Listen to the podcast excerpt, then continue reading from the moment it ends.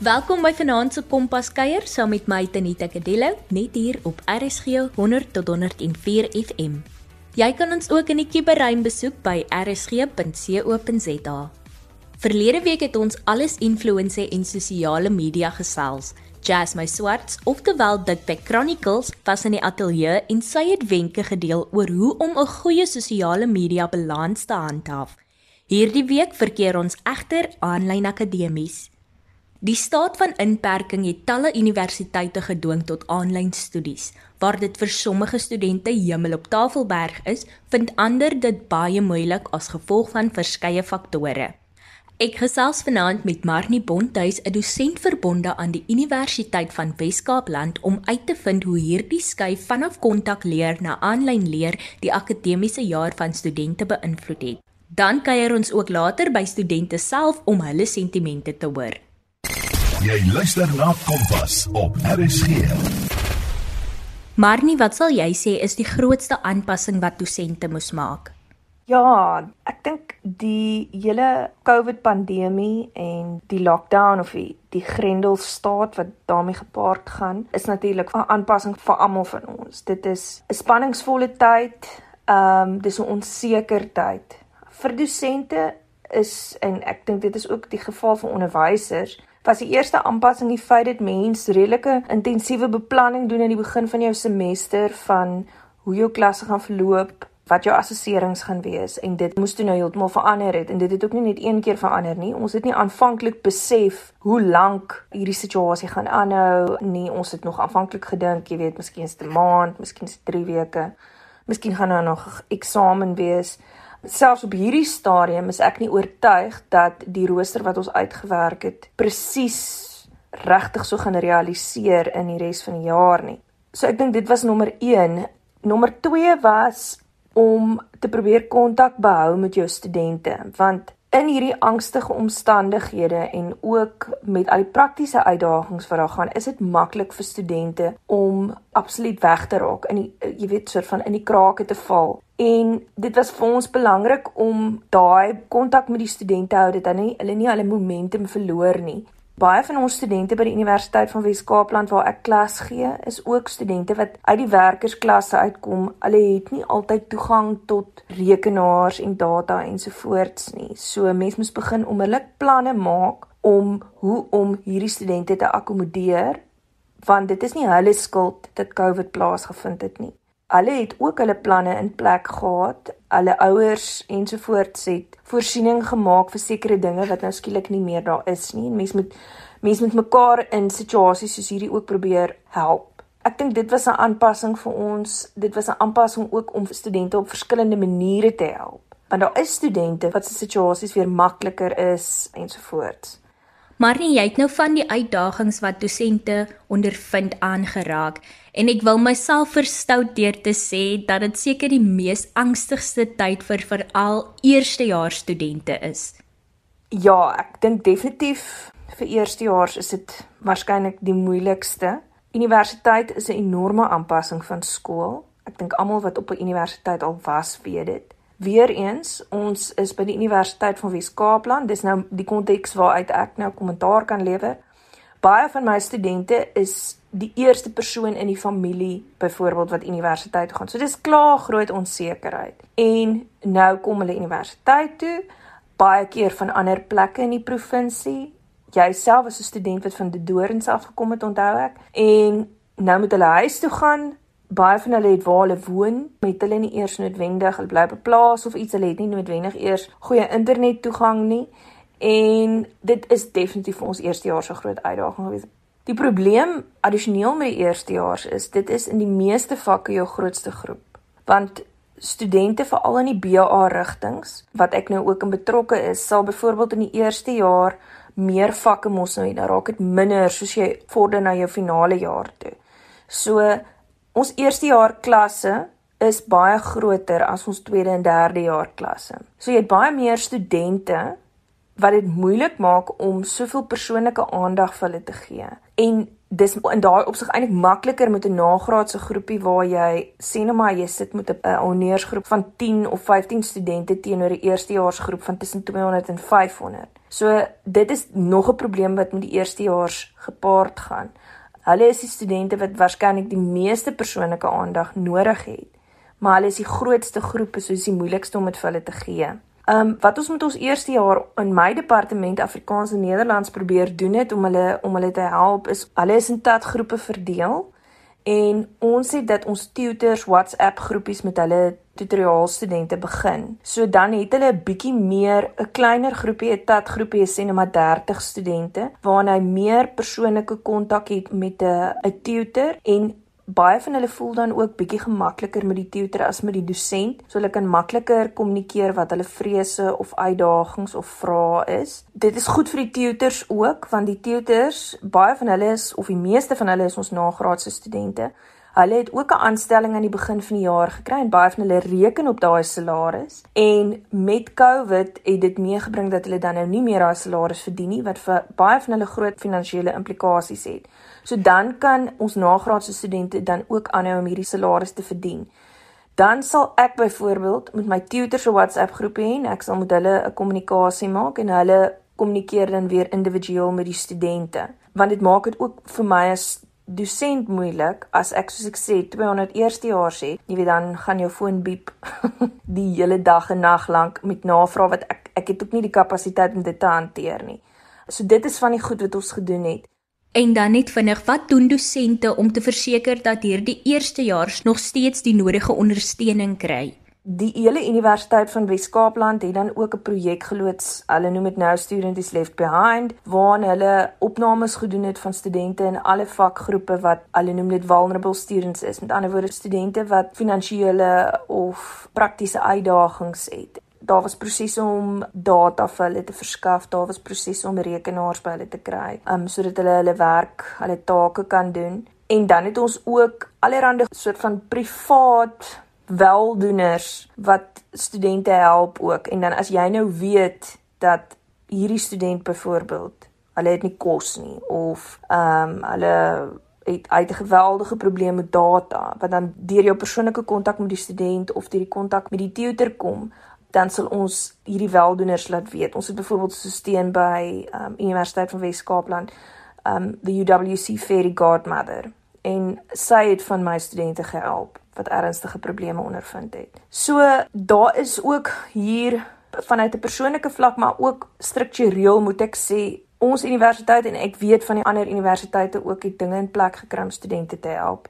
Vir talle studente is die oorgang na aanlyn studeer moeiliker vanweë die omstandighede waarin hulle is. Ek sien veral baie sosiale media post oor take en eksamens wat nie voltooi kan word nie as gevolg van 'n gebrek aan data of internet. Watter maatreëls het jy as dosent in plek om te verseker dat elke student 'n regverdige kans tot inhuldigingsdatums en daardie goed kry?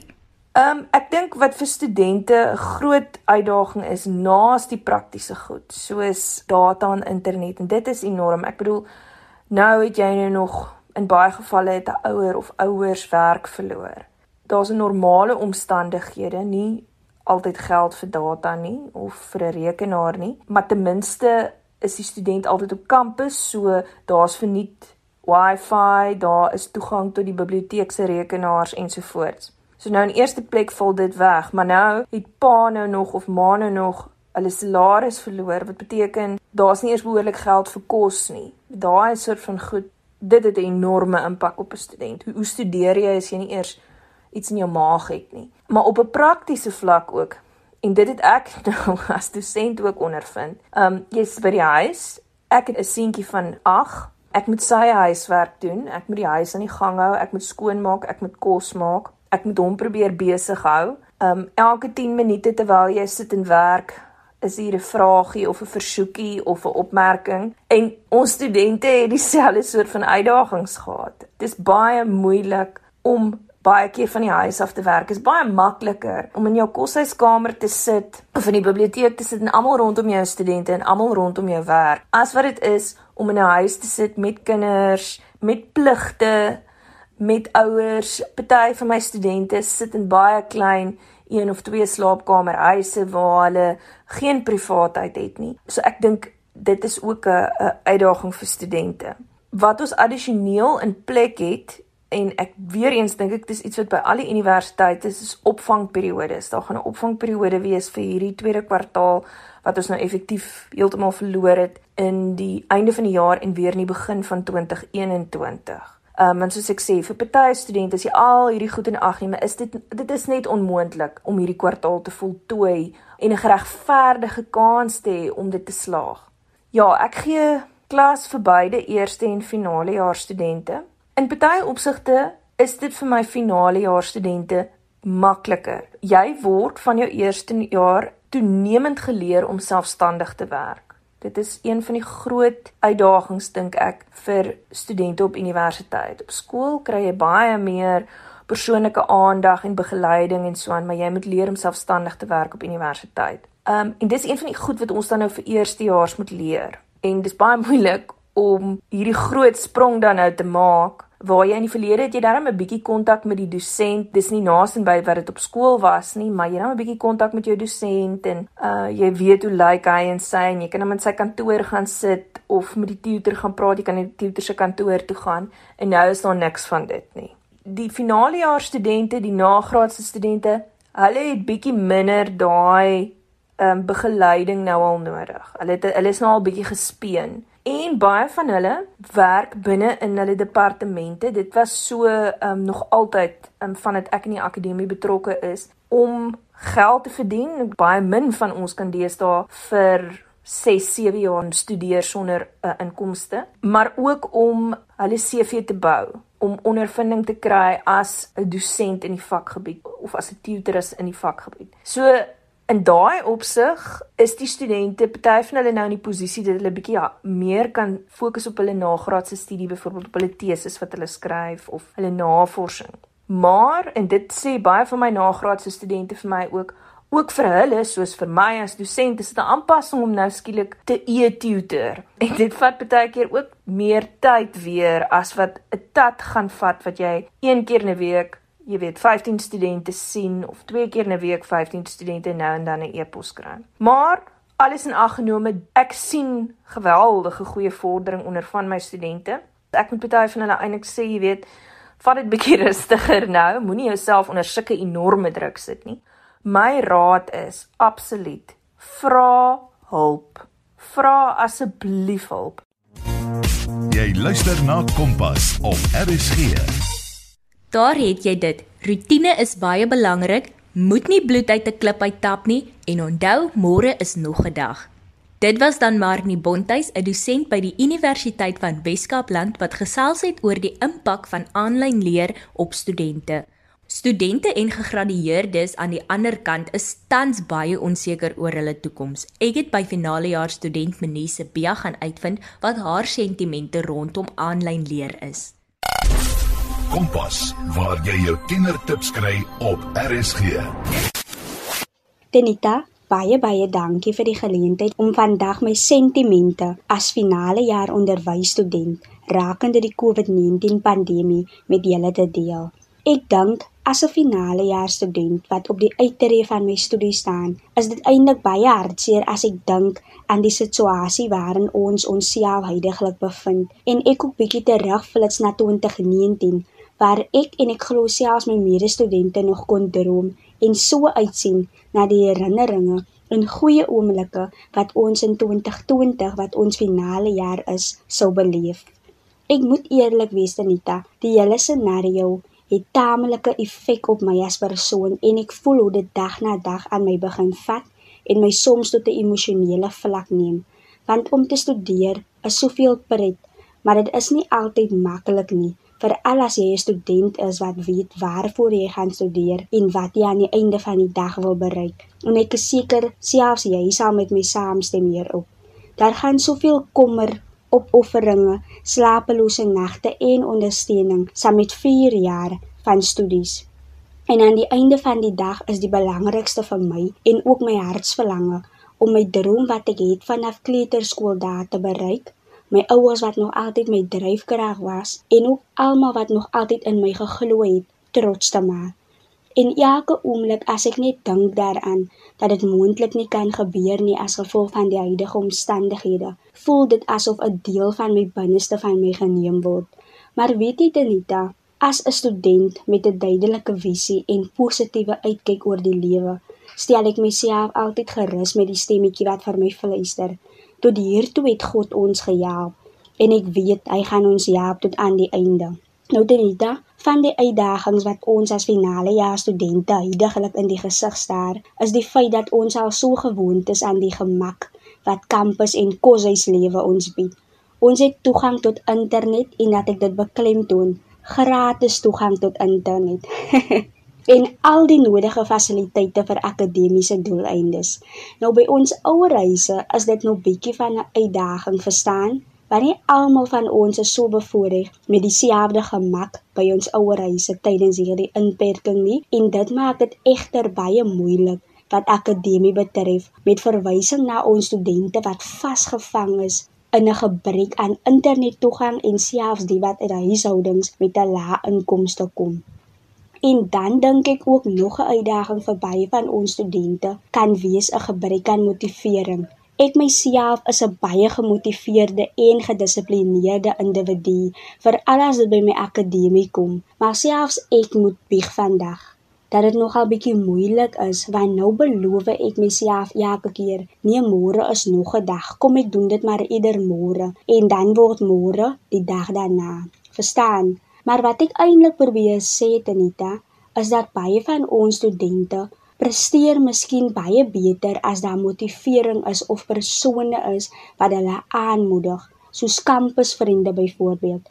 Waar ander dit dalk weer moeilik vind om in 'n huisomstandighede akademies te verkeer, dan ons moet in gedagte hou dat ons uit verskillende huisomstandighede kom en vir sommige van ons studente is kampus of koshuislewe nie net 'n plek waar studente bymekaar kom nie, maar waar studente dalk meer veilig voel en vreugde vind. En op hierdie stadium is my en glo ek al wat 'n student is se grootste vrees. Gaan ons die akademiese jaar suksesvol kan voltooi of nie? Dit is regtig ons grootste vrees vir my as finale jaar student wat so uitgesien het na 'n jaar vol pret herinneringe wat geld nie kan koop en oomblikke van sukses. Om eerlik te wees, ek mis kampuslewe, ek mis koshuislewe, ek mis my vriende en my jaargroep. Ek mis die oomblikke waar ons saam kon sit en net kla oor die hoeveelheid akademiese opdragte wat wag om voltooi te word. Ek mis my dosente en laaste maar nie die minste, mis ek die gevoel van student wees. Tante Nita, gewoonlik hierdie tyd van die jaar maak ons studente gereed vir praktiese onderwys. Maar as gevolg van die huidige omstandighede, lyk dinge maar baie negatief wat praktiese onderwys betref. En dit is nogal baie hartseer en ietwat kommerwekkend vir al as finale jaar studente. Aangesien dit ons laaste en belangrikste praktiese onderwys is wat moet bydra en help om ons te vorm en voor te berei vir die praktyk. Dit bring egter baie onsekerheid mee. Maar Anita, alhoewel dinge bietjie donker lyk en voel op hierdie oomblik, moet ek tog sê dat alles moontlik is met 'n positiewe en geloofwaardige bestuurspan, studente en dosente, soos die van CPUT Wellington Campus. Ongeag die huidige omstandighede, is en bly ek trots op my universiteit en die mens waarin ek gevorm is sodat ek daar begin studeer het. Dan ter afsluiting Tanita, wil ek net sê aan al my medestudente, hou moed. Hierdie is net nog 'n fase wat ons saam sal oorkom met geloof. Jy luister na Kompas. Een ding is duidelik. Alhoewel omstandighede nie heidaglik ideaal is nie, is hierdie jong mense nog hoopvol vir die toekoms. En dit bring dan my kuier ook tot 'n einde. Dankie dat jy saam gekuier het. As jy enige van ons programme gemis het, kan jy dit aflaai of weer daarna luister op rsg.co.za. Soek net op potgooi onder K vir Kompas.